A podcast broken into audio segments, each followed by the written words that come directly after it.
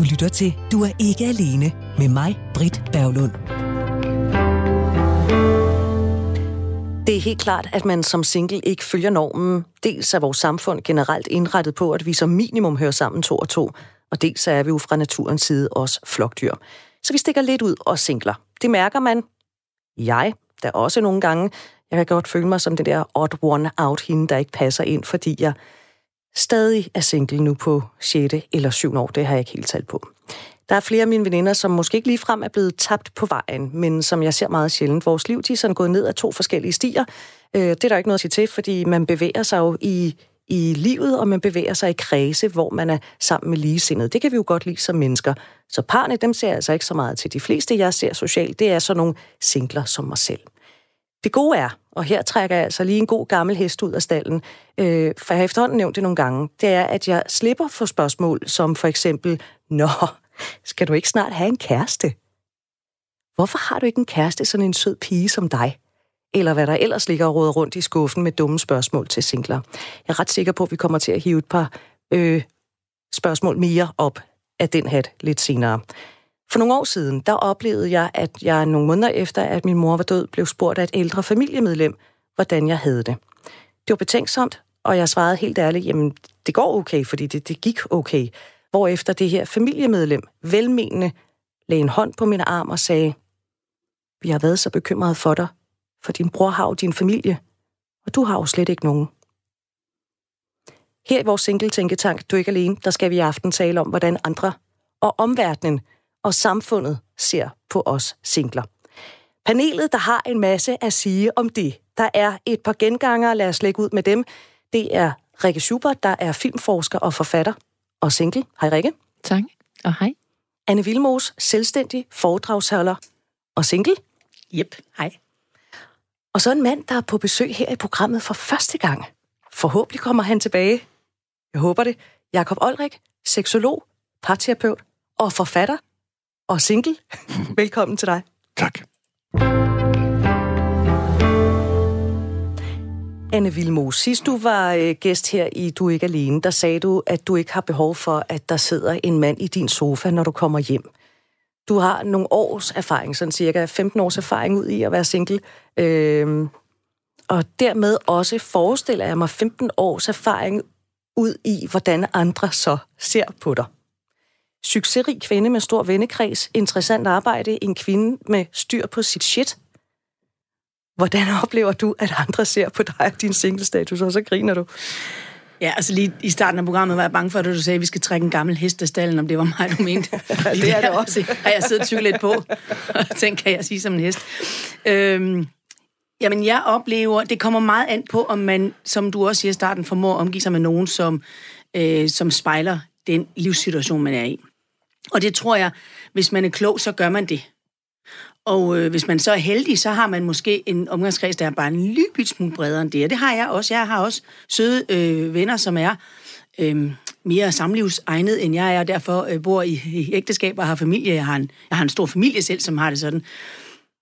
Men jeg har velmenende venner, og også haft kolleger gennem tiden, som øh, lige præcis rigtig tit spørger, og hvad så? Var det ikke, skulle du ikke øh, til at prøve? Og de har haft succes med både den ene og den anden og den tredje øh, teknologiske platform, hvor man jo møder mennesker nu om dagen. Og, øh, jeg altså har stor... sådan nogle apps og sådan noget? Ja, apps og sådan noget, moderne noget. Og jeg har stor respekt for det, og kender også nogen, der har succes med det. Og jeg har også ret til at sige, det er ikke for mig. Det skal jeg ikke prøve. Det er der en lang, kedelig forklaring på, men det skal jeg ikke prøve. Øhm, og jeg er ikke opsøgende. Altså, jeg synes, det der med... Det, der gør mig træt nogle gange, når jeg får spørgsmål, det er, at det ligger så i luften, at den eneste både saliggørende måde at leve på, men også den eneste rigtige måde at leve på. At vi er i venteposition indtil vi får et rigtigt liv. Ja, og, altså vi har sat vores liv på pause. Ja, vi, vi står standby, mm. indtil, vi, indtil vi, begy- vi kan begynde at leve rigtigt.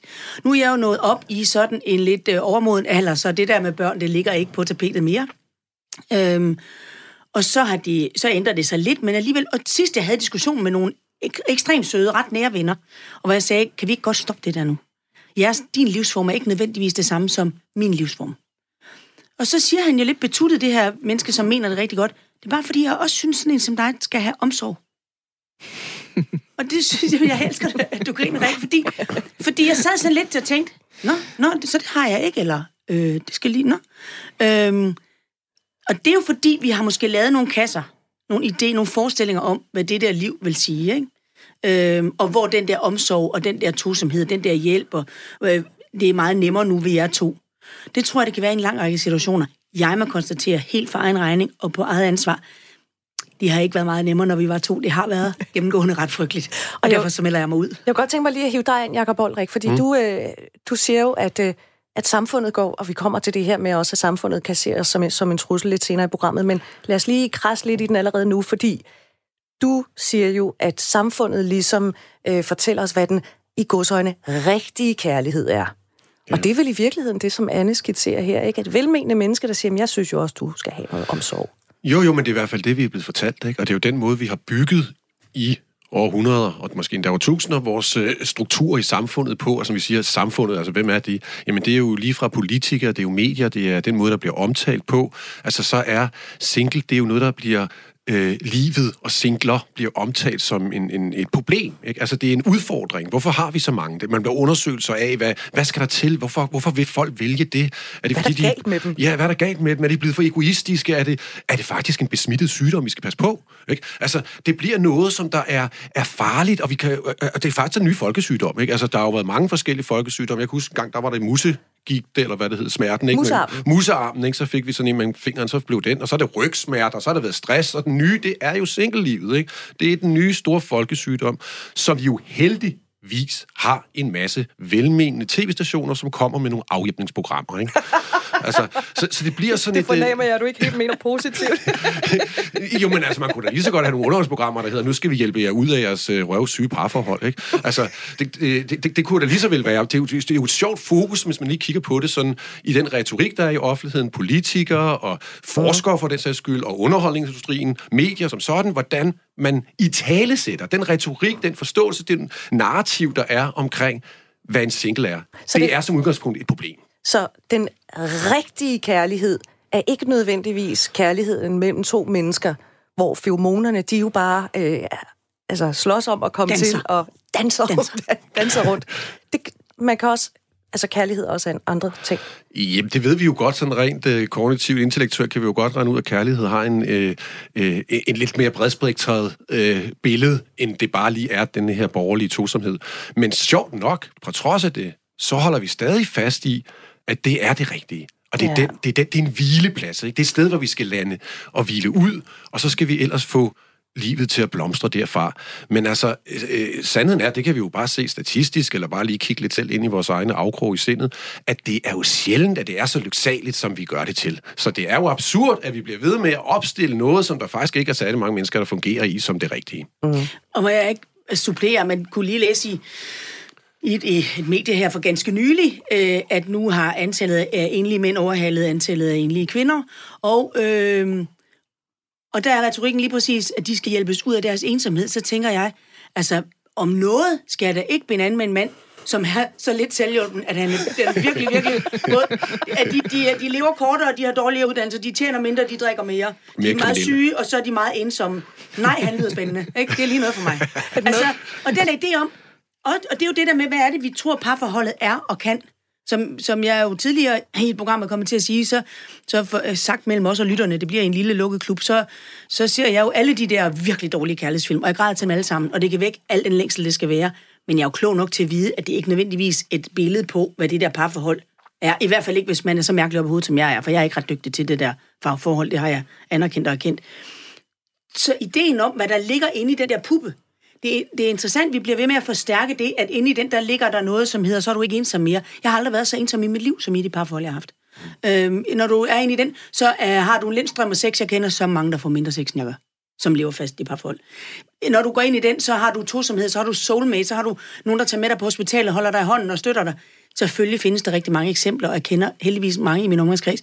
Kender sørme også eksempler på nogen, hvor man tænker, hvad laver, altså, hvad laver du? Hvorfor, hvorfor skal du ikke ud? Mm. Ideen om, vi, vi i tale det også stadigvæk som, øh, når vi taler om skilsmisser, så vi så så mange tilfælde går det galt.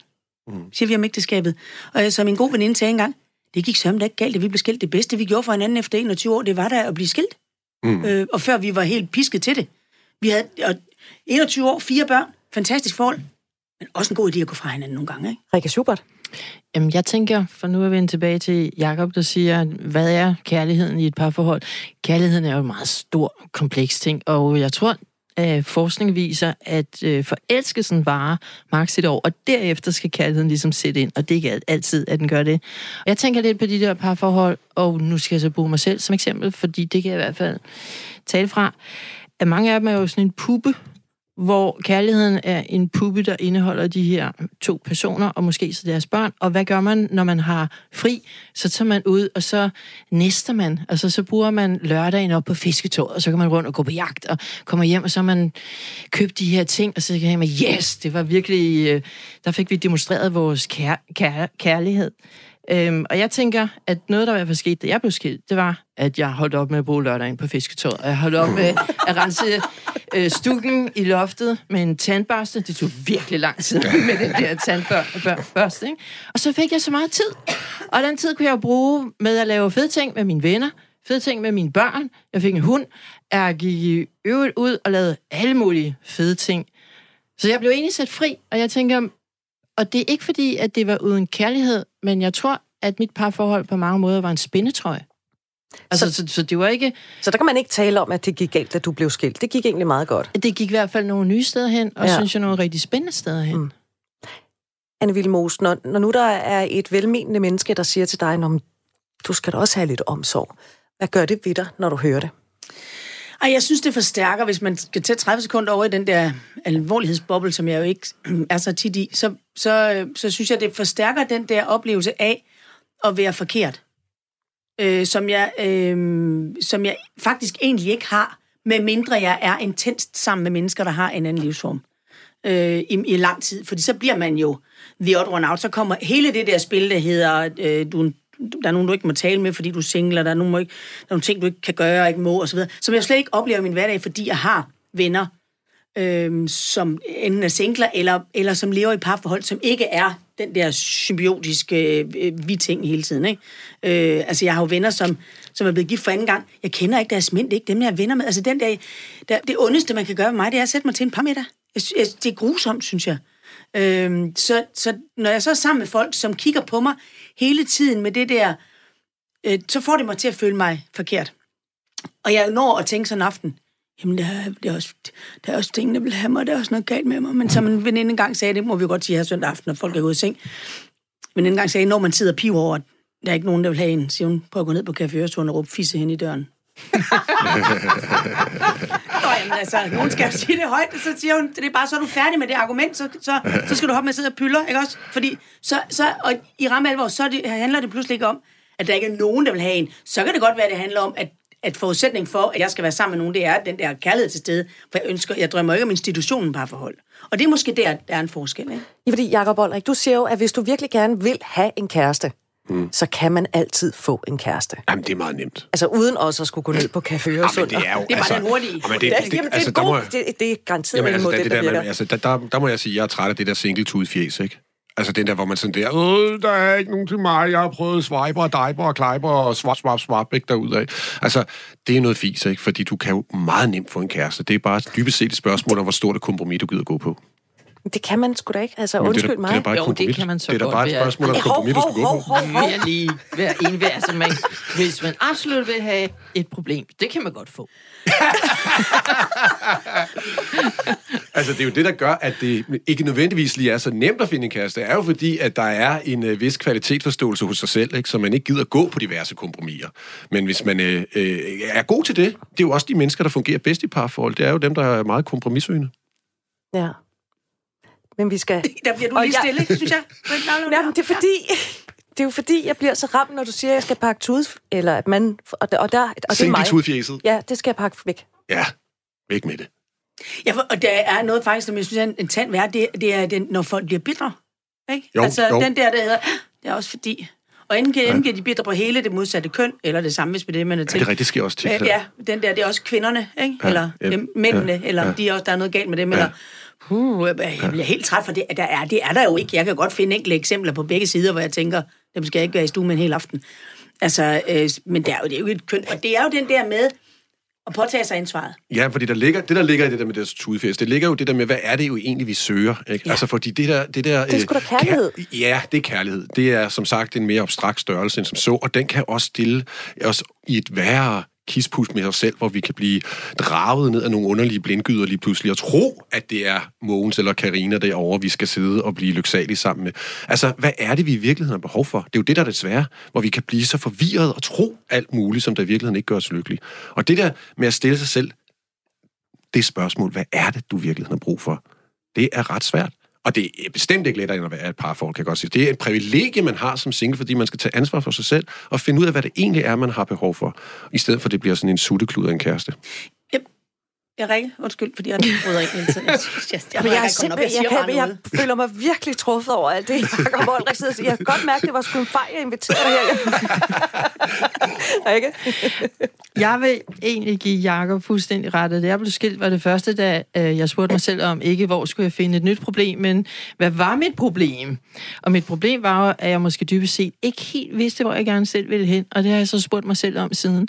Og jeg synes jo, det fantastiske ved ikke at tænke på sig selv som, at man mangler en partner, men at man er single, og ergo kan man jo gøre, hvad man har lyst til, det er, at man når som helst øh, når man skal træffe nogle valg, ikke behøver at blive defineret af, jeg er sådan en, som er gift, så jeg skal først klire med min partner, om vi gør det her. Nej, man kan sige, jeg vil gerne det her.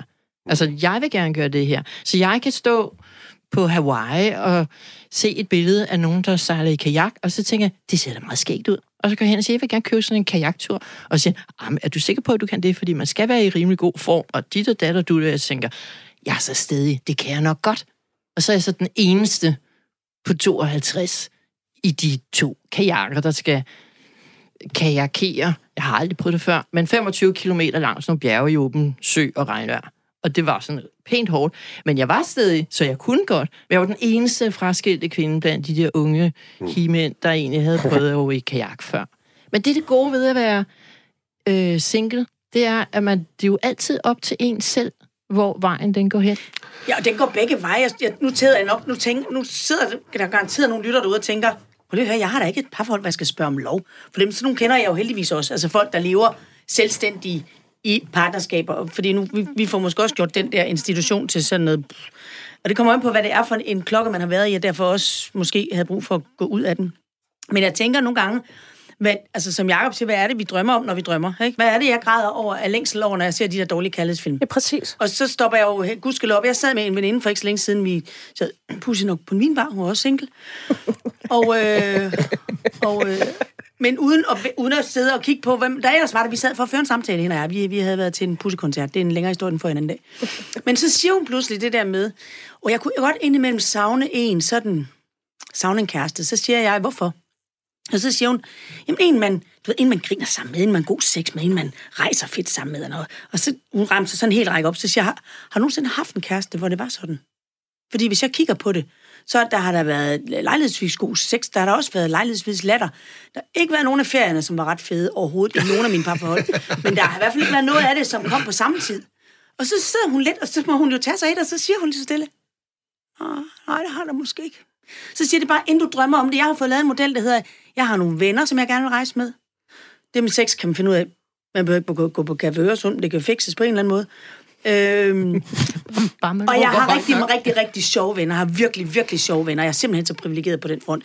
Så det der med at holde op med at synes, at det skal dels ligge i samme klokke og noget, men det er bare også, hvad er det for en længsel, det udløser, mm. når, vi, når vi har det der, får tudfjæset frem, ikke? Jamen, Jeg tænker måske noget, der gør, altså, så du ikke bliver så... Men du skal ikke, stå, du skal ikke sidde og kigge så undersøgende jo, jo, på mig, fordi du er, lidt, du er lidt desorienteret lige nu, kan jeg se på dig. Nej, jeg- du, du, du er lidt... Altså, Jeg er men, skuffet. Men, ja, men, men måske er det jo noget med mindsetet, ikke? Altså måden, vi egentlig tænker os selv på, og det er jo klart, at vi kommer til at tænke det øh, som single.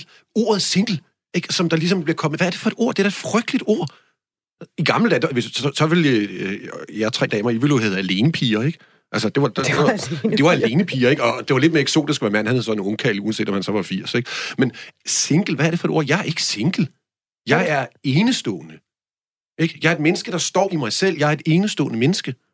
Man kalder heller ikke et par for dobbelt. vel? Nej. Men det skulle det jo hedde, hvis det Ja, skulle passe sammen. Eller halvt. Eller, Ja, eller halvt, Ja, ja, du, ja. du, er, øh, du Ja, er nu, halv. er- ja, du, Nå, du er halv. Okay. Nej, jeg er enestående. Et, at stå i sig selv. Ja. Prøv at tage den ind, ikke? Hvor smukt er det lige? Jo, jo. Det er da rigtigt nok. Må jeg fortsætte med mine spørgsmål? altså, Rikke Schubert, når du bliver mødt af måske de samme velmenende ord og spørgsmål fra omgivelserne, som Anne bliver, Mm.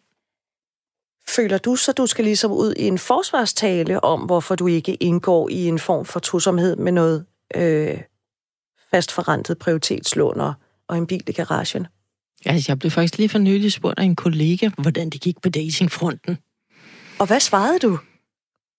Ja, jeg svarede alle nok. Jeg har været der, og sådan mest ud, øh, hvis jeg skal være rigtig rå, sådan en eller anden form for hmm, at undgå at falde i den der bitterhedskløft. Så jeg tænkte, ah, men nu prøver jeg en gang til. Det kan jo være, at der er en, som ikke er et problem, og hvor det ikke er mig, der skal stå op og lave morgenkaffen. Og altså, jeg synes, problemet med de der øh, mænd, og det er fordi, jeg vælger de forkerte, det er jeg godt klar over, men det er, at man får en til, man skal gøre noget for.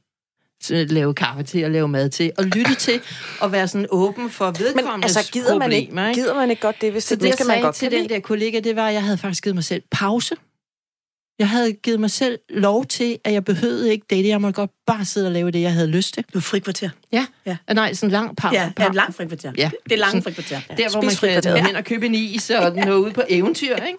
Øhm, så det var mit svar til, Men, til men, ham. men gider man ikke godt at lave kaffen og lytte og alt det der, hvis det er et menneske, man holder virkelig meget af?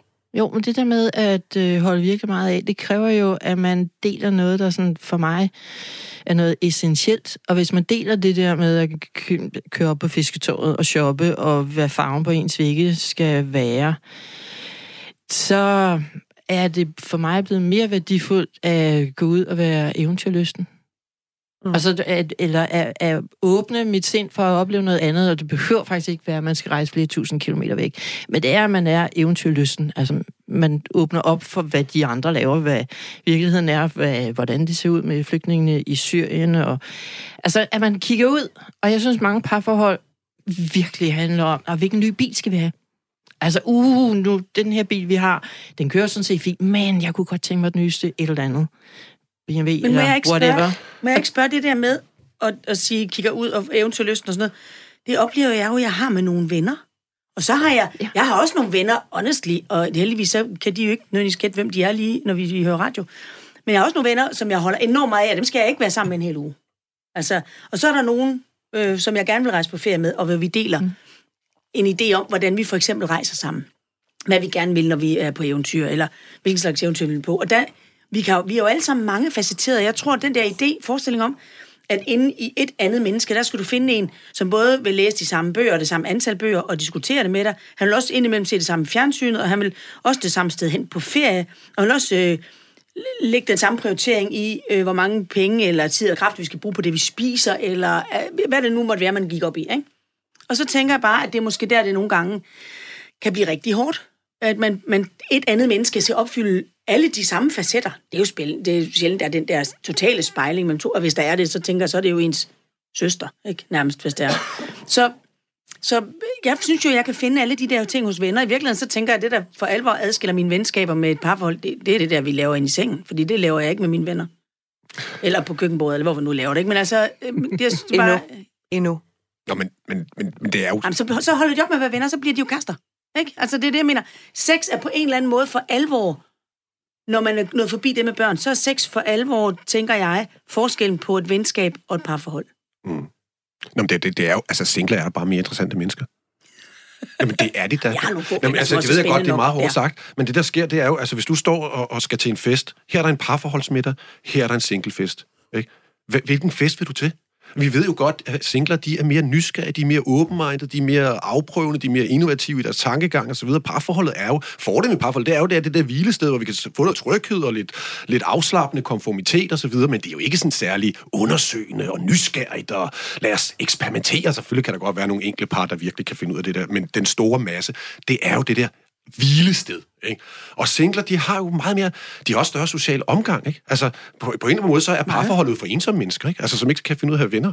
Ikke? Så kan de så være, øh, have andre parvenner og så videre, hvor man ikke rigtig snakker om noget, der betyder noget. Hvor singler, det er jo så konfronterende. Man er nødt til at give noget af sig selv i venskaber, i de møder, man har med mennesker. Man er nødt til at opsøge eventyr. Man er nødt til at mærke, hvad det egentlig man har behov for, og selv finde ud af at iscenesætte det i sin liv, ens liv. Og det gør jo, at singler er meget mere udviklingsorienterede mennesker. Men, men man, hvis man skal blive helt lavpraktisk, så kan man sige, at når du lever alene, så er alle former for social kontakt med andre, i hvert fald hvis man som mig heller ikke har børn, eller endnu hund.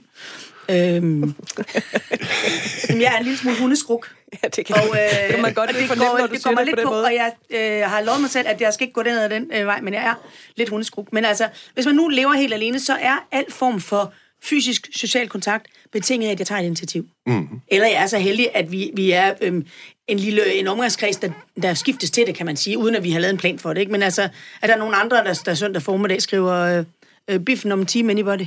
Øhm, eller Nivågård samlingen om to timer, jeg svinger forbi og henter dig. Eller, og, og ja, vi er ret gode til det. At være udfarende. Mm. Øh, og indimellem, så har man også som single lave, hvor man siger, nej, jeg gider ikke lege i dag. Jeg vil gerne være i fred. Som i, men så vil jeg også gerne være i helt fred. Så skal der ikke komme nogen, eller sidde nogen i sofaen, eller skal der ikke være nogen, der har en mening om, hvad der skal være i fjernsynet, hvis det er. Der er simpelthen ikke sikker på, at du skal have hund. Ikke at den bestemmer, hvad du skal se i fjernsynet, men Jamen, Rikke, går en tur. Hun der sidder med fjernbetjening. Rikke Schubert, du markerer. Ja, men det var det med de der øh, parmiddag, og hvad der er sjovest, om det er parmiddagsfesten eller singlefesten. Og så vil jeg sige fra, nu har jeg faktisk en del erfaring fra de der dating sites, fordi jeg har prøvet det øh, adskillige gange. Og noget, man jo støder rigtig meget på, det er jo de der mænd, der sådan set er gift. Mm. Men er på sites, Ja. fordi det er jo spændende, hvad der er derude. Og noget, jeg overhovedet ikke savner, og noget, jeg aldrig nogensinde vil gå på kompromis med, det er, jeg savner ikke, at man ikke kan stole på sin partner. Jeg savner ikke at være intim med en person, jeg ikke har tillid til. Jeg savner i det hele taget ikke at være øh, tæt på nogen som helst, jeg ikke har tillid til. Så derfor, jeg har det fint med at have venner, som laver, hvad de vil, men jeg vil ikke have det fint med at have en partner, som jeg ikke havde tillid til. Og eftersom jeg møder mange af dem ude på de der dating sites, så kan jeg jo logisk set regne ud, at der er rigtig mange af de parforhold, hvor folk trives i den ensomhed og overlever på, at de faktisk gør noget andet et andet sted. Og det er sådan, de kan blive ved. Det ved jeg ikke, hvad andre fordækte. siger til. Jo, jeg tror, du har meget ret i, at der ligger sådan en øh, dobbelt fordægthed i, øh, i mange såkaldt velfungerende parforhold. Altså, der er meget, der vi ikke snakker om, vi ikke taler om, vi ikke kaster lys over, hvor vi virkeligheden ikke afslører os selv, men vi ligesom bare får melodien til at køre derud af, mens der sådan er sådan en skærende støj af lyst til alle mulige andre utroskaber. Så. Og mens vi keder os. Og mens vi keder os, ikke? Og skal have tiden til at gå, for børnene skal jo lige blive store. Og, og så er der, så er der og, det, er, øh, og det er uden at vi skal gå i detaljer, sådan en hel ærbar søndag aften i det er lige det, så kan jeg bare sige det. Det er noget, jeg har, har øh, hvad skal Hørt. vi kalde det? En, Du har en, hørt. en, jeg har hørt. Øh, jeg har en vis, og jeg har hørt meget øh, om det, om det der fænomen med gifte mænd. Øh, Og over det er nu også lang gifte årrække. kvinder, vil jeg sige. Ja, Jo, men jeg, jeg, jeg har også ikke det, der er ikke Nej, nej, men det, dem har jeg ikke så stor erfaring med, lad os kalde det det, i de bøger, jeg har læst, eller hvad vi nu skal kalde det pænt. Ikke? Men så bare mødt rigtig mange eksempler på det, også nogen, der kommer til at glemme at sige det, men også nogen, der sådan set siger det, øh, og kan finde mange gode undskyldninger for det. Og, øh, og det er jo sådan nogle øh, lommer. På et tidspunkt spurgte jeg en, jeg kendte, øh, før jeg havde hørt om, eller som, som øh, siger, er nysgerrig. Elsker din kone dig? Og så sagde han, hun elsker mit liv. Og der er, ligger jo derude, og det ligger der jo også i noget af det her, som noget, som ikke handler om det der med kærlighed, men som ligger, så ligger over i den der bøtte, der hedder, jeg kunne godt tænke mig at være ligesom de andre. Jeg kunne godt tænke mig at være et vi, når vi skal til direktionsmiddag. For det er bare rigtig, rigtig hårdt at være et jeg til direktionsmiddag, og de andre, de har deres koner med, ikke? Og jeg har ikke nogen med. Og det, så derfor så er der jo også noget af det der, der hedder, puh, hvor var det let. Jeg møder nogen, der siger, det er ikke fordi, det fungerer godt derhjemme, men jeg, jeg orker ikke at komme derud igen. Ud af puppen, eller ud af, ud af normen, ud af normaliteten. Så, så der er jo nogen, der simpelthen vælger at sige, at jeg bliver inde i den der lomme med alt det dårligt, der måtte være, fordi det er et aktivt tilvalg at være inde i den lomme. Og det kan jeg i princippet, jeg skulle lige sige, det jeg kan godt forstå det. Jeg, jeg kan ikke forstå det med udgangspunkt i mit eget menneske, men, men det, kan- jeg kan godt sådan forstå, at det er et valg, man kan træffe. Jeg håber bare, man gør det bevidst, ikke? Og der er faktisk prestige i parforhold. Det ved jeg, at du mener, Rikke. Det kommer vi til at vende øh, lidt senere. Men lige nu, der skal vi noget helt andet. Du lytter til Du er ikke alene med mig, Britt Berglund. Fordi vi skal lige øh, blive lidt ved det der med øh, kærligheds- og sexlivet, ikke? Øh, som aldrig rigtig er sådan en helt privat sag, og slet ikke, når man er single. Øhm, Oh, ja. et er, når, når vennerne de, øh, de sådan presser på for, at man skal ud og finde sig en kæreste. Men hvordan er det så, når det i virkeligheden føles som om, at ens mangel på mage fungerer som underholdning for dem, der er omkring en? Altså, øh, der ligesom synes, at de har brug for og har lov til at vide alt. Nu skal I møde Kim. Kim Henriksen er 31 år og single, og så er han i øvrigt også kollega her på programmet. Hej Kim. Hej Britt. Nå Kim, lad os lige starte med, øh, hvor- længe har du været single? Øh, to-tre år. I hvert fald så længe, så jeg ikke sådan helt kan huske det. Okay. Og så er der vennerne omkring dig.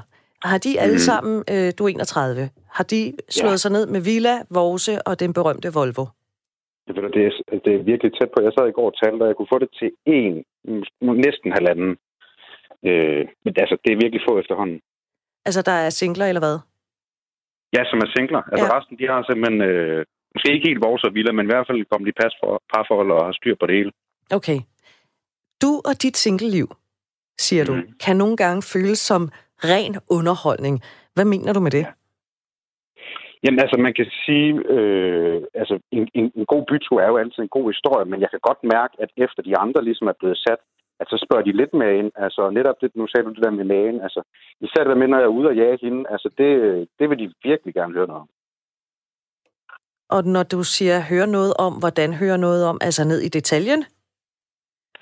Altså, man, man øh, den fylder enormt meget. Altså det her Undskyld, med, du faldt lige ud et altså, øjeblik. Ja. Ej, nu mistede vi ham. Jeg tror simpelthen, vi har mistet Kim. Kim. Kan du høre mig, Britt? Ja, nu. Hej, hej med dig, min ven. Der var jeg, du jeg, igen. jeg, hoppet, jeg hoppet hen til et vindue nu. Nå, det er godt. Så hvad, hvad var det, du sagde med det her med underholdningen? Jamen altså, jeg kan mærke, altså det, det er jo det på en eller anden måde, de ikke har længere. Altså de sidder derhjemme med en, med en sød kæreste, som de kan gå hjem til hver aften, hvor at, at de jo ikke er, er i byen hver, hver anden weekend og ude og lede efter en. Og jeg kan mærke, altså det er især det, som de, de godt kan lide at spørge ind til. Øh, og, og altså også, øh, altså jeg har også aften, hvor jeg blev inviteret hjem til kammeraterne og så deres kærester, øh, og hvor de lige så stille som aften skrider hen, begynder at fiske mere og mere efter de her historier her. øh, og jeg kan jo godt høre, at det ikke er helt det samme, de sidder og fisker efter, hvor at, altså, at min ven godt kan sidde med nærmest julelys i øjnene med, med de her historier, hvor at kæresten måske, måske lidt mere sidder med sådan lidt rysten på hovedet. Øh, og jeg har da også hørt nogle gange, når jeg så tager hjem, så skal han sidde og forsikre hende om, at det er i hvert fald ikke noget for ham, og han er lykkelig for, at det ikke er ham, der er derude, og at, hvad skal man sige, weekenden ligesom er rammet ind af Vild med Dans og Søndagsfilm. Lad mig lige få Jakob Oldrik med her, fordi du er jo om nogen noget, du ved, der ved øh, noget om os mennesker. Hvad går det der ud på, Jakob? Altså, hvorfor er det, at parforhold, de har, øh, eller folk i parforhold, har behov for at snage i singlers liv? Jamen, der ligger netop et indopereret dilemma i det her, ikke?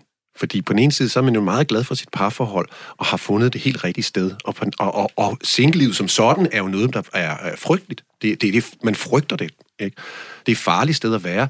Men, Altså, det er sådan en ren horror night. Ja, det, det er en horror night, hvor man øh, ryger ind i sådan et, øh, ud i, i skyttegravskrigen, ikke? Og man skal, det er virkelig farligt. Og når der så kommer en single, der er ude og lever i skyttegraven, så er det jo som at få beretning fra fronten. Ikke?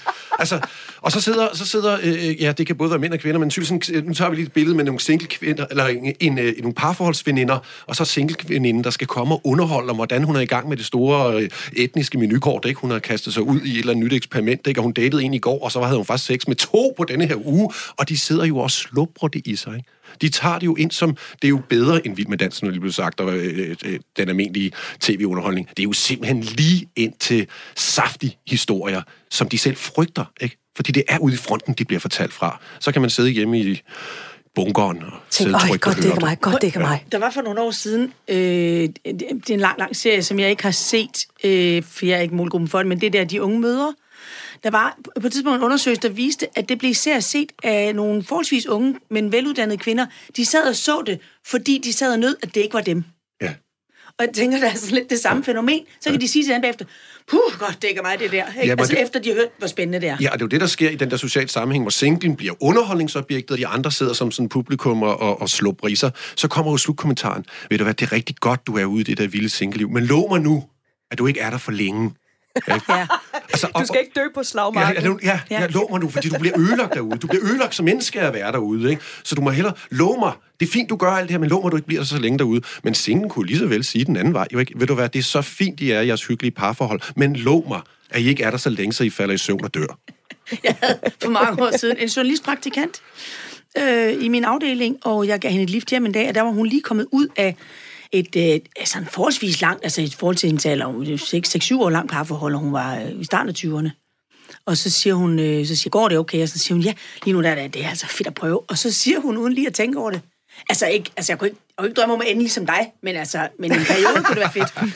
Der var jeg nødt til at spørge, hvor mange dage om ugen tror du, du skal køre hjem med mig? Altså, øh, med den bemærkning. Fordi det men jeg synes, det interessante er så også, når folk har mødt hinanden forholdsvis unge, og så måske få den ene eller flere i parforholdet, øh, lidt abrupt er stået af det der gå i byen liv. Jeg hører jo helt unge mænd stadigvæk tale om, at de har fået lov, og jeg tænker, Christ, hvad er det for en mærkelig model, ikke? Men så er de stået af, og så får de børn, og så 20 år efter, øh, eller når de indimellem har fået fri fra parforholdet, sådan til en 10-15 år efter. Jeg går jo heller ikke i byen mere, jeg har jo aldrig været sådan en klopping, men jeg, jeg vil hellere sidde hjemme med noget god rødvin, end jeg vil stå ude på et eller andet fancy sted. Øhm, men de har en forestilling om, at det er fordi, de får børn, at de holder op med at gå i byen. Så de ringer til os, der er over 50, og siger, så nu, skal vi, nu vil jeg gerne med, med ud på din tur. Min tur, den er død for 20 år siden, skat. Min tur, den er hjemme i køkkenbordet. Altså, jeg, jeg, jeg, jeg skal slet ikke... De har en forestilling om, at vi andre, vi lever i et parallelt univers ved siden af, hvor vi fortsætter et ungdomsliv. Vi står stadig på Crazy Days. Ja, Men der ligger, der ligger, jo, der ligger jo også det der, altså grunden til, at, at det bliver det der underholdningslivet, øh, livet, singlens liv, ser sexlivet. Altså hvorfor er det lige sexlivet? Det er jo fordi, at det er jo, øh, mere eller mindre udmaneret i parforhold. Det eksisterer ikke, så det er jo interessant at høre, at der er faktisk nogen, der har et sexliv, ikke? Kim, du er stadigvæk med os. Ja. Som du kan høre, så er der nok at, at tale om øh, med hensyn til det her emne. Lad os lige høre, når nu du bliver indbudt til de her par, hvor Mhm. øh, at det kunne også være hyggeligt at ses, fordi så kan vi snage lidt i dit single-liv. Ja. Øh, altså, hvor tæt går de på? ret tæt, synes jeg. Altså, det er jo også, som Jacob siger, altså, det er meget sex, det kommer til at handle om. Altså, det er det, der er lidt spændende. Øh, og man kan sige, øh, nogle gange så tror jeg, så sætter jeg grænsen lidt før, end de gerne vil have. Altså, og jeg tror også netop, En god idé. Ja. Fordi det er jo igen det der med, altså, jeg har jo ikke noget problem med at, hvad skal man sige, dele jagten. Altså, men det sekund, at, at byttet ligesom er nedlagt, så har det som om, så, så er det noget mellem to mennesker. Der, der er de ikke helt enige. Må, må, jeg spørge dig om noget? Ja, Har du nogensinde spurgt dem om deres sexliv? Aldrig. Altså, jeg, jeg, jeg snakker med min kammerat om det men jeg tror ikke, hvis de begge to sad der. Altså, jeg ved jo nok mere om øh, min, min kammerats kæreste, end hun lige ved, jeg ved om hende, for eksempel. Ja, Jamen, det er jo okay ikke at have en, en, en mandeintimitet, men jeg tænker, næste gang mm. du sidder der som, og kan føle dig lidt underholdningsobjekt, så prøv at vente den om og sige, hvordan går det ind med jeres sexliv? Har I, hvad, hvad har, I, har I prøvet noget nyt her på det sidste? Eller hvad? Hvad, hvor mange gange om ugen? Ja, hvor mange gange om øh, ugen, og hvor dybt stikker den, så at sige? Ja. Hej, der er masser af gode forslag. Men Kim, det er simpelthen nogle, det er lidt grænseoverskridende en gang imellem, når du sidder der og, og, og det, får det ene spørgsmål efter det andet. Det synes jeg, jeg synes jo især, jeg kan mærke det netop det der med, hvis man vendte det om, altså, at jeg, det vil jo aldrig nogen som turde drømme om, men det er lidt som om, at, at fordi det ikke er noget, jeg sådan deler med en bestemt, jamen så er det på en eller anden måde allemands eje. Ja. Hvordan har du det med, at din civilstatus, den simpelthen bliver centrum for en samtale? jeg synes, det, altså, jeg synes, det er meget forskelligt. Altså, nogle gange så synes jeg, det kan være, kan det være enormt grænseoverskridende, og jeg også altså, lidt trættende. Men omvendt set, så kan jeg jo også godt nogle gange mærke, at så, så kan jeg jo også synes, det er sjovt, hvis jeg hører min kammerat fortælle om, hvad eller andet med, at øh, hans kæreste synes, at de skal have et billede af en hest til at hænge i soveværelset, eller et eller andet, ikke også? Og så kan jeg prise mig lykkelig over, at det ikke er det, jeg ligesom er en del af. Øhm, Og det var et billede Ja. af en hest. Er det så en del af deres... Nej, okay. det har jeg ikke før. ikke? Det er netop derfor, man ikke skal spørge ind til sexsiden, når der er sådan noget med heste og sådan noget med. Ja, det bliver, ja, jeg får nogle underlige billeder lige nu. Men, altså. men i virkeligheden, men jeg, jeg, jeg, jeg synes, Tim, du er jo inde på noget centralt, øh, som jeg også møder folk på min alder, som, som øh, når de går ud af et mangeårigt parforhold, og så bliver de ved med at ses med de her øh, folk, der lever i par, øh, og, og føler det lidt over. Jeg siger hver gang, du er simpelthen nødt til at skaffe dig en, nødt til at skaffe dig en omgangskreds øh, som har en... Og man kan selvfølgelig sige, at hvor er det kantet, at vi kun skal være sammen med dem, der ligner os selv, men, men det er en omgangskreds, som, som lever i højere øh, grad øh, i den model, man selv lever i. Det tror jeg på, at man får glæde af at indrette sig sådan. Og det er klart, i de der overgangsperioder, hvor vi, det har vi alle sammen prøvet at se, pludselig, hov, de falder sgu da far til ægteskaberne. Og i den periode gjorde jeg det også selv, faldt, faldt i gryden, ikke? Øhm, kom bare op ad den, før den var spilgående. Så, men jeg tror, det der med at finde nogen, som man kan spejle sig i, der er flere ting i det. Der er simpelthen noget rent praktisk i det, der hedder, det er ikke sjovt at være venner med småbørnsforældre, som siger klokken 10.06, jeg skal hjem og spise. Altså, det er simpelthen ufedt, fordi jeg skal ikke hjem og spise klokken 6. Det er da et mærkeligt tidspunkt. Det er midt på dagen for mig. Så, øh, så den der med, øh, har du overvejet at melde dig ind i en roklub? Jamen ikke, hvis de skal hjem og spise klokken 6. Hvad får jeg ud af det? Så, så opsøg nogen, som på en eller anden måde, ligesom mig, siger... Øh, som ikke skal, ikke skal spørge om lov, eller som ikke skal planlægge tre måneder ud i fremtiden. Jeg har lige et hul der den onsdag eftermiddag, der kan vi lige ses til en kop kaffe.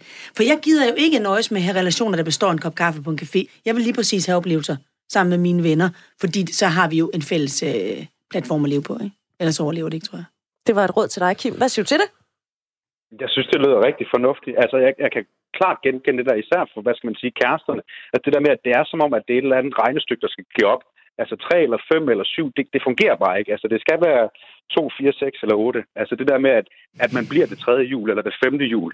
Ja. Øh, og det er jo egentlig lidt åndssvagt. Det er meget åndssvagt. Kim, tak fordi du vil give indspark. Det var så lidt. Det er godt, du. Du lytter til Radio 4. Og programmet Du er ikke alene, hvor vi i aften taler om, hvordan andre og også samfundet ser på os singler. Jeg har besøg af tre ualmindeligt tilfredse singler, tilfredse med deres liv, men øh, ikke hele tiden tilfredse med måden at blive opfattet på af andre og ikke mindst samfundet. De tre gæster, det er Anne Vilmos, det er Rikke Schubert, og så er det Jakob Olrik. Rikke, Ja. Det du oplevede, da du efter mange års ægteskab blev single, det var, at der var prestige i, eller der er måske stadigvæk prestige i at være par. Hvad mener du med det? Nu er jeg ikke helt sikker på, hvad du refererer til her. Men det, Du, du øh, sagde, da vi talte sammen forleden dag, så sagde du, der er prestige i at være par. Nå ja. Ja. Ja. Nu, ja.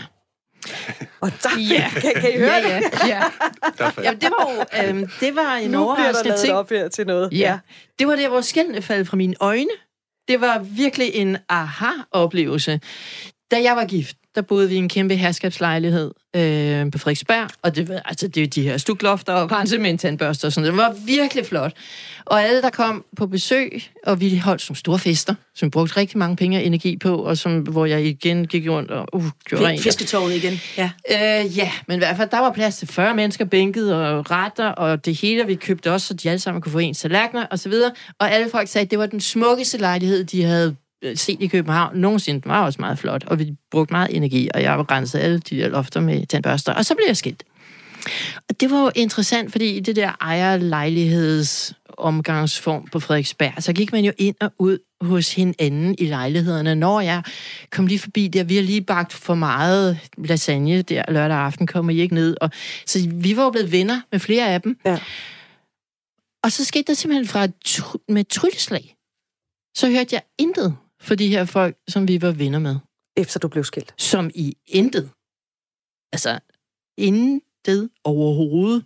Og når jeg mødte dem og snakkede med dem, og hej, og hvad, så var de, åh, oh, du bor på Nørrebro? Nå, du, nej, jamen, og så videre, og vi må endelig ses, og de havde jo sådan set både min e-mail og telefonnummer og det hele, og jeg hørte aldrig fra dem. Men er det ikke er det ikke noget, der følger med? Altså det her med, øh, at det er naturligt nok, når vi så går fra hinanden, så deler vi møblerne, vi deler det der stel til 40 personer, og så deler vi Mogens, ham kan du få, og så Annie kan jeg tage, og så... Altså det, det sagde mig, var, at de åbenbart ikke synes, at der var, at de havde ikke nogen grund til at snakke med mig sådan, da jeg tænkte efter, det var, hvorfor havde de så grund til at snakke med mig, da jeg var gift og boede i en herskabslejlighed? Der sluttede vi jo om rigtig mange ting. Nå ja, det var det der med øh, at netværke. Altså, så kendte man jo nogen der, og min mand var selvstændig, jeg havde et firma, og vi havde firmabil, og dit og dat og tut, og så kunne man sige, at man havde den her omgangskreds på Frederiksberg.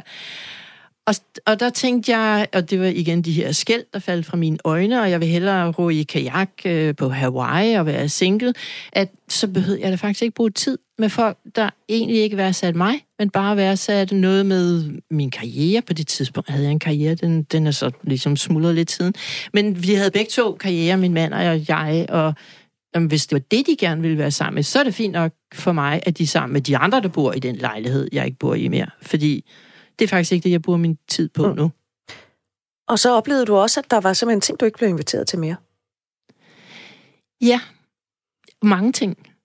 Altså, det var alle de der ting, hvor stolrækken helst skal gå op, Øh, og hvor altså, man du ikke var, skal være den, man var den nummer 5., 3 eller 5 eller, eller 7, 13. eller hvis der var 46, så ville jeg være nummer 47. Ikke? Øh, så det var alle de der runde ting. Det kan være børns fødselsdag, det kan være ens egen fødselsdag, det kan være nytårsaftener, det kan være påskemiddag, det kan være alle mulige forskellige ting, som man tidligere blev inviteret til, fordi man var del af den der omgangskreds. Og uden at man egentlig havde ventet med folk, så var man åbenbart ikke længere del af den omgangskreds, der sådan blev inviteret af sig selv. Altså, du gjorde jo noget, som jeg ikke er sikker på, at jeg kunne finde modet til at gøre. Ja. Fordi du konfronterede nogle af de her mennesker med og sagde, hey, hvad sker der? Hvad med mig? Hvorfor bliver jeg ikke inviteret? Øh, hvordan blev det modtaget, da du kom og bankede på og spurgte om det? Jamen, altså blandt andet har jeg to gange prøvet det med at ringe og sige, øh, må jeg komme med nytårsaften? Og så var det jo sådan, nej, vi er jo de her vennepar, der ses, og nej, det passer ikke rigtigt. Der var jeg ligesom virkelig, virkelig mystificeret, fordi min mand og jeg havde jo været med til de nytårsaftener tidligere. Så der var åbenbart ikke en ekstra stol. Der var åbenbart heller ikke det rum, at man bare sagde, fint nok, at du spørger, hvis du ikke ved, hvor du skal hen, jamen så kom der med. Og det var ikke, Det var fordi din eksmand skulle med? Det har jeg sådan set ikke spurgt dem om. Nå, okay.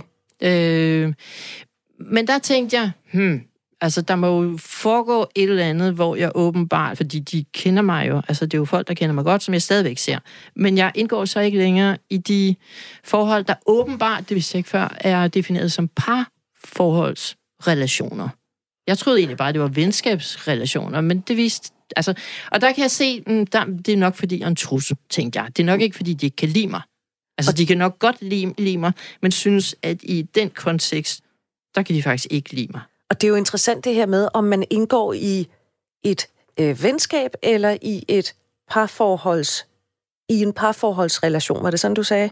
Ja, og der tænker jeg, at, øh, at de venner har jo nok alligevel følt, at jeg var en eller anden form for trussel. Fordi i hvert fald, så tog jeg helt fejl insisterede de begge to. Det var slet ikke det, det, det var ikke fordi, de ikke kunne lide mig, og det var, de havde alle mulige gode grunde til, hvorfor der manglede en stol. Og jeg følte det lidt ligesom eventyret der med de der guldtallerkener, hvor den sidste fe ikke bliver inviteret med, fordi de mangler lige en tallerken. Så derfor kunne hun ikke komme med. Og så blev hun rigtig sur, og så forbandede hun nogle prinsesse, der kunne få lov til at sove i 100 år. Altså, vi mennesker er jo flokdyr. Føler du, at du er blevet udstødt af en flok? Altså det positive er jo, vil jeg sige, at så finder man jo nogle andre steder, man kan være. Så det rigtig positive, det er, at så går man til den der singlefest, hvor de faktisk snakker om noget andet, end hvad de i øvrigt har været ude og shoppe lørdag øh, hele dagen, eller den nye sofa, der skal erstatte den gamle sofa, eller når jeg nu, hvor de var ved at renovere øh, stuen, så rev de i øvrigt også lige gulvet op, og det koster lige 100.000 til, fordi så synes de, at de der træplader, de var da også for gamle. Og jeg er sådan, okay, altså jeg kan egentlig ikke se forskel på jeres gamle køkken, og så det nye køkken, fordi jeg synes, det nye køkken ligner det gamle køkken. Så der var ligesom ting, hvor jeg tænkte, okay, så behøver jeg heller ikke snakke om det. Så kan jeg snakke om andre ting. Jakob Ulrik, hvad er det for en trussel, Rikke, hun lige pludselig øh, øh, udgør, efter at være blevet skilt? Jamen altså, hvis man er et par gift og lever på den måde, så det, det næste, der kan ske, det er jo, at vi bliver skilt. Altså, Ja. altså det, det, det, er jo, det er jo ligesom øh, dramaturgien i det. Ikke? Det er sådan teaterstykket er skrevet. Ja, det er sådan, det er skrevet. Det kan man ikke rigtig se sig forbi for. Så, så en single, og ovenikøbet måske en, der er glad, det er jo en trussel. Altså, en, en kvinde, en single kvinde, der kommer ind til et selskab, og som er sprudler og glad, og pludselig tager hovedet tilbage og viner og slår ud med håret, ikke? Og, og, og tør endda også at vise lidt mere hud end de andre i sit dress, ikke? Altså, og, og det, der kan kvinderne jo godt se, at deres mænd lige pludselig sidder der med lidt for fascinerede blikke. De klister sig lidt på hende, og de synes lige pludselig, de danser lidt mere med hende. Det bliver en trussel. Det er en Altså, det er jo simpelthen... Er det så simpelt? Det er ganske simpelt. Altså, jeg, jeg, jeg er ikke sikker på, at det er helt det samme for mænd, men, men, men, men det er nok mere, fordi vi mænd er sådan lidt ignorantiske og ikke rigtig ser tingene. Fordi dybest set, så, så, så er det jo det, der er det farlige. Altså, kommer der en, der lige pludselig kan tage min lille søde Mogens? Men altså, undskyld mig. Der er jo sådan et gammelt ordsprog, der siger, at du kan jo godt uh, trække hesten hen til det der tro, men du kan sgu da ikke tvinge den til at drikke. Jamen, altså, altså hvis, man, hvis, man, hvis man er gift, altså Mogens og Annie er gift med hinanden, og de er i hvert fald på papiret, eller udadtil er de måske lidt glade, så kan man da ikke stjæle Mogens. Jamen, der er jo en stor del i det at være par, der handler om at tage afstand fra sit single-liv. Ikke? Altså mænd, der har levet det vilde single-liv, de skal så sidde der nu over for kæresten og sige, jamen det var dengang, sådan er jeg slet ikke mere. Nu skal du høre om, hvor forfærdelig mine singlevenner er, og se, hvordan de behandler hinanden og kvinder og så videre. Ikke? Det jeg kunne aldrig finde på. Jeg er så glad for, at jeg er ude over det. Ikke? Altså, det handler om en, en stor del af det fællesskab, man får, det er jo at tage afstand fra at være single.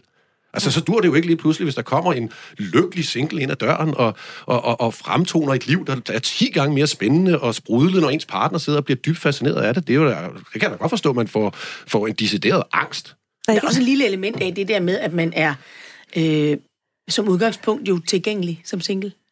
Ikke? Mm. Mm. Så, man er jo, så er man til falds for næsten enhver form for smiger, tænker de til middagsselskabet. Ikke? ja, altså, det interessante er jo, at man, man ser øh, singlen som truslen. Altså, jeg mener, hvis man har så et, et utroligt kærligheds, velfunderet parforhold, så kan det vel ikke være, der kommer en eller anden single kvinde og slået Men det er det, jeg mener. Altså, men det er det jo til synligheden ikke. Det er, det, det er jo noget med, at der er nogle trusler udefra, som vi bliver nødt til at værne os imod, og hvis vi helst kan lade være med at give dem opholdstilladelse i vores liv, så er vi da sikre på, at de ikke er der. altså, jeg tænker måske også, at, øh, og der kan jeg gætte, og bygge lidt på mit eget parforhold. Men jeg tænker også, de der ægteskaber, øh, som har høj status, og hvor man køber større lejligheder, større huse og større biler, og man ligesom bygger mere ovenpå dem. Øh, de bygger måske også på noget fortrængning, og lidt hyggeleri, og noget med at lyve for sig selv. Så, så når vi køber et nyt køkken, så, er det, så kan vi lige være lidt gladere? Jeg tror i hvert fald, at hvis man lægger al sin energi inden for hjemmet, eller inden for en eller anden puppe ting, så er der måske rigtig mange ting, man jo siger nej til, eller siger farvel til. Og der tænker jeg, at jeg ender i hvert fald ikke som et af de her par, der sidder og er 70 og tænker på alt det, de gik glip af, og er bedre. Øh, og jeg har mødt ældre ægtepar, hvor de er så bedre, og de sidder og hakker på hinanden, og man kan bare se alt det, de gav afkald på begge to, så der er i hvert fald ikke nogen af den anden, der skal have det sjovt. Men, altså. men må jeg ikke... Jeg tror, jeg tror, hvis jeg skal være ærlig, hvis jeg skal lige prøve at se sådan et par for mig, det kan jeg jo uden problemer, øhm, også hende fra det virkelige liv, så tror jeg ikke, at nogen af dem sidder og tænker, at jeg skulle have lavet mig skille, for jeg ville have haft det godt alene. For jeg tror, at hvis man har anlægget for det der bitterhed, og fortrydelsesret, den står og blinker herude hele tiden, så, så tror jeg måske, man er bygget sådan. Jeg, jeg, jeg er heller ikke sikker på, at jeg synes, de par, jeg kender, som godt kan lide at øh, bygge et nyt køkken eller bygge deres hus om. Jeg er heller ikke sikker på, at det, det, i, i min omgangskreds er det også dem, der er bedst til at så bestige Kilimanjaro sammen, eller øh, altså faktisk gøre nogle crazy ting og få bygget noget op. Øh, så har de tilfældigvis nogle gange en økonomi, som alt andet lige er nemmere, når man er to, end når man er en, ikke? fordi øh, visabonnementet koster det samme. Øh, og der er to indtægter til at dække det. Øhm, så, så, jeg, mm, så jeg ved ikke, om, der er, om, om de ville have haft det bedre, de der mennesker, som, som øh, sidder med bitterhed, men jeg kan genkende den der med, med, nu har jeg jo ikke, det er så mange år siden, jeg har levet faste parforhold, så jeg nåede aldrig at få etableret sådan en helt omgangskreds af par. Og når man ikke har børn, så har man heller ikke øh, dem fra skolebestyrelsen, og dem fra mødergruppen, og dem fra, øh, som har bygget ens omgangskreds op. For det ser jeg jo i par, jeg kender, at, at en stor del af ens omgangskreds kommer også ud af det når man lever i den der, jeg kalder 1,9 børn og en dobbelt carport. Øh, og når man ikke har haft alt det, så har man ikke, så har man ikke skrabet den, de der relationer til sig. Øh, men jeg har da oplevet i, i arbejdssammenhæng, så er noget, der hedder, tag din partner med. og det er jo ikke det er jo nogle søde mennesker, og der sidder sikkert nogle af dem og hører det her, så skal jeg skynde mig sige, I love you boys and girls. Partnerne var altid piger, og mine kolleger var altid mænd. Fordi jeg sad op i det lag, jeg sad øhm, og direktionen Schulforsten, øh, som øh, den har jeg refereret til tidligere. Og det, jeg siger det simpelthen med den allerstørste kærlighed, men også en oplevelse af at, blive, at komme ind i et antropologisk studie sådan en aften, hvor jeg jo pludselig oplever, at de der mænd, jeg havde en udmærket dialog med, og der ved Gud var ikke noget hanky-panky af nogen art. Det var helt fuldstændig blottet for det. Og hvis man kigger på mig, jeg er jo ikke, jeg er jo ikke en trussel i den forstand, jeg er jo ikke en lille sexkilling, der står i hjørnet, men jeg har et, et arbejdsfællesskab med de her mænd, Mm. som gør, at når de så har deres koner med, så opstår der en ny dynamik, som hedder, hov, nu har jeg ansvaret for, at min kone har en hyggelig aften. Så jeg må ikke stille mig herover og tale med Anne om den der øh, eksportstramning, vi oplevede til Kina, som virkelig er træls, og som både han og jeg synes er enormt interessant at tale om. Den kan, må vi ikke bruge de næste to timer på, for der kan konen ikke være med. Så man kan også være en trussel, som ikke kun handler om, at nej, hun har taget sine bryster helt ud af tøjet, eller, eller hun har langt hår og ser sjov ud, eller hun griner, eller hun har aldrig skældt mig ud. Fordi nogle gange så er det også et element, ej, du virker sjov, for du har aldrig skældt mig ud. Nej, men tro mig, det vil jeg komme til, hvis du er min kæreste. Fordi du virker simpelthen som en skvat, der, der knæpper udenom, ikke? Så, så det vil alligevel ikke falde godt ud. Men så, så nu er det også bare det der med, at man kan have et fællesskab, hvor den der, hvor, hvor parforholdet, hvor de ikke hjemme har den dialog og den samtale. Og så er det jo også svært. Og det med at være en trussel, man kan jo også være en samfundstrussel, og det skal vi tale om øh, lige efter nyhederne. Du er ikke alene her altså med øh, Anne Vilmos, det er Rikke Schubert, og så er det Jakob Olrik.